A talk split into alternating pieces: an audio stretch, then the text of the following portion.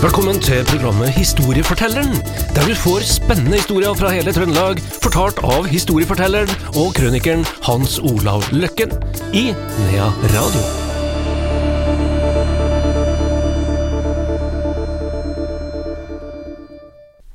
Velkommen tilbake til Historiefortelleren her i Nea Radio, og først og fremst velkommen til deg, historieforteller og krøniker Hans Olav Løkken. Jo, takk, takk. Vi har uh, i uh, de her uh, episodene våre ofte vendt tilbake til ja, andre verdenskrig og andre kriger. Nå skal vi til andre verdenskrig, og vi skal til slutten av andre verdenskrig. Ja. vi får dra en tur opp i gamle Nord-Trøndelag. jeg ser at det står skrevet at sabotasje var noe som annen verdenskrig produserte.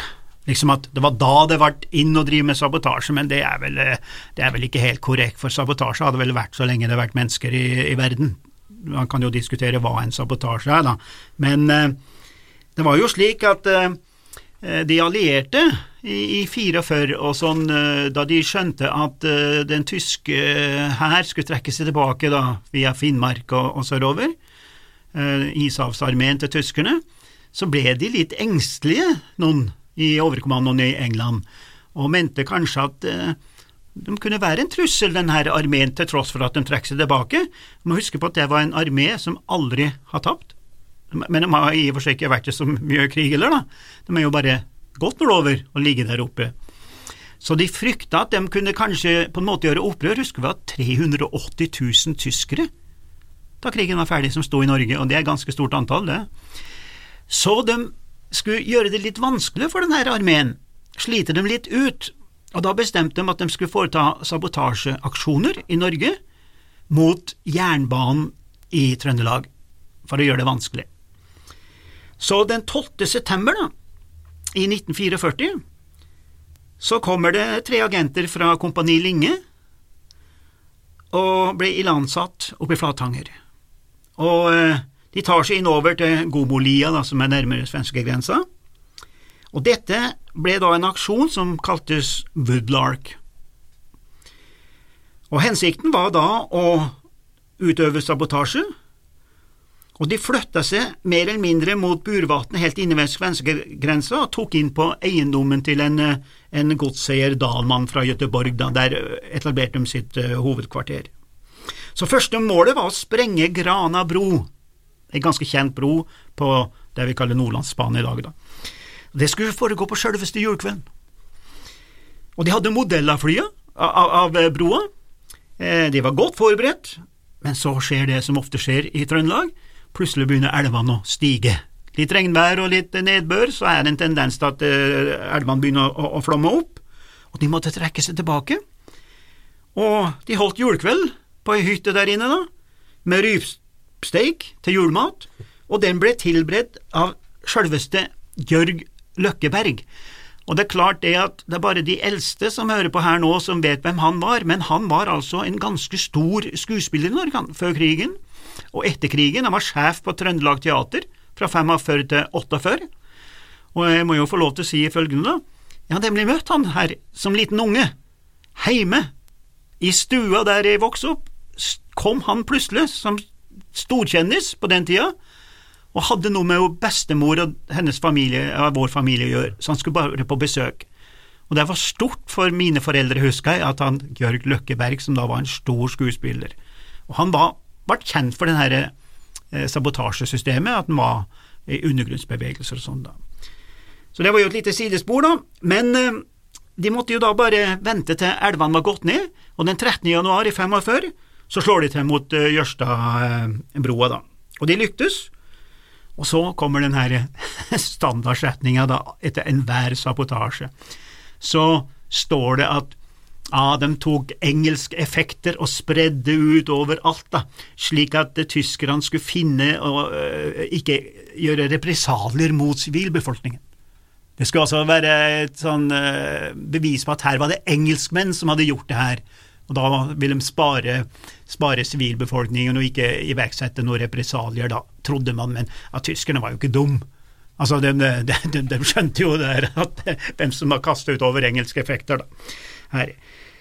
Og eh, de hørte på svensk radio om kvelden da, at, eh, at uh, sabotasjen i og for seg var vellykka. Stort uh, tysk transporttog som da kjørte ut i elva. Og i 1983 så kom de første tallene, altså lenge, lenge lenge etterpå, så kom det tall om at, at det hadde gått i vei 100-230 tyskere. Altså 100-230 tyskere, da opererer vi i ganske usikre ting her, altså, for det er et stort uh, forhåndstall her. I tillegg 200 hester, da. Men uh, det vi vet i ettertid, er at 78 tyskere omkom, og tre nordmenn. Så 81 totalt, da. I 42 så bygges det opp en spesiell infanteribataljon som skulle drive geriljaksjoner i Trøndelag.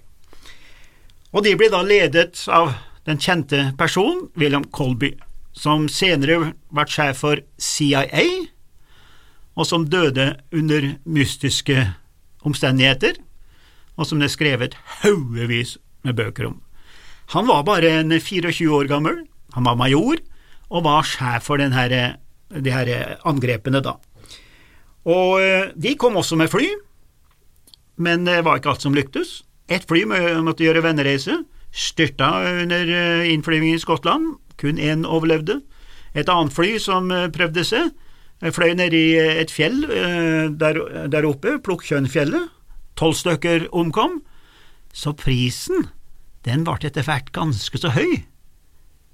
Akkurat som med Vemork og tungtvannsaksjonene der er det også liksom kommet frem at det var så veldig vellykka, men bak så var jo tross alt noen og førti som omkom som støtteapparat. Så eh, de, han Kolby og de folkene, de eh, er der oppe, og de eh, iverksetter også aksjoner mot noen broer. Og han Kolby, da han skjønte at tyskerne var på sporet, så la han ut sånn nesten heimsløydfeller, han snubletråder, da, sånn at eh, tyskerne ble alltid minnet på at her er det farlig å gå for fort frem, for det, det, det, sprengtes litt rundt overalt da. Eh, og eh, det som denne reaksjonen er mest kjent for, og som har blitt en del diskusjon om, det er jo de her fem tyskerne som plutselig kom. Jeg husker nå for mange tiår siden, når jeg begynte å interessere meg for akkurat det der, så så var det liksom en sånn dominerende teori om at de, de skjøt tyskere, men det var etter at freden kom. Eh, og det trodde, gikk jeg og trodde på veldig lenge òg, for det sto jo sto i boka, det. Men sånn var det ikke, altså. Så eh, det, det, var en trefning der, og man har jo da lurt på om det var nødvendig da, i hele tatt å ha den trefninga og sånn, men eh, det var jo tyskere som ble drept da. Så eh, tar han Kolby kontakt med London og liksom lurer på hva i all verden er som skjer. Og når vi kom opp i den 11. mai, så freden var jo kommet, men de lå jo isolert langt inn med svenskegrensa. Så han, han, tok kontakt, og da fikk de bare beskjed om å holde seg i ro. Men uh, han Kolby han tok seg ned til Steinkjer, han, med folket. Der ble han uh, godt mottatt av ordføreren og folket. Så dro de ned til Stjørdal, der var det store taler og godt mottatt og alt mulig, og de nærma seg Trondheim og trodde at de skulle få være med der i Trondheim, da.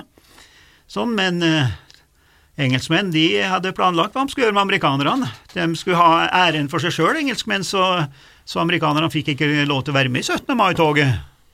De Amerikanerne og Colby ble sendt til Namsos for å ta seg av, eh, av eh, eventuelt eh, fanger, da. Så det er jo litt rart at sjøl i en gledesrus som det måtte ha vært, så kom det vel en viss form for irrasjonelle og nasjonalistiske tanker der, da. Så eh, spørsmålet til slutt, da. Oppnådde de noen ting med de her sabotasjene sine? Så er vel eh, svaret ganske enkelt. I etterpåklokskapens tegn ingenting. Det var historie i dag. Kolby er vi neppe ferdig med. Heller ikke sabotasjeaksjoner både i nord og i Sør-Trøndelag eller eh, ellers i landet. Men eh, takk skal du ha igjen, Hans Olav Løkken.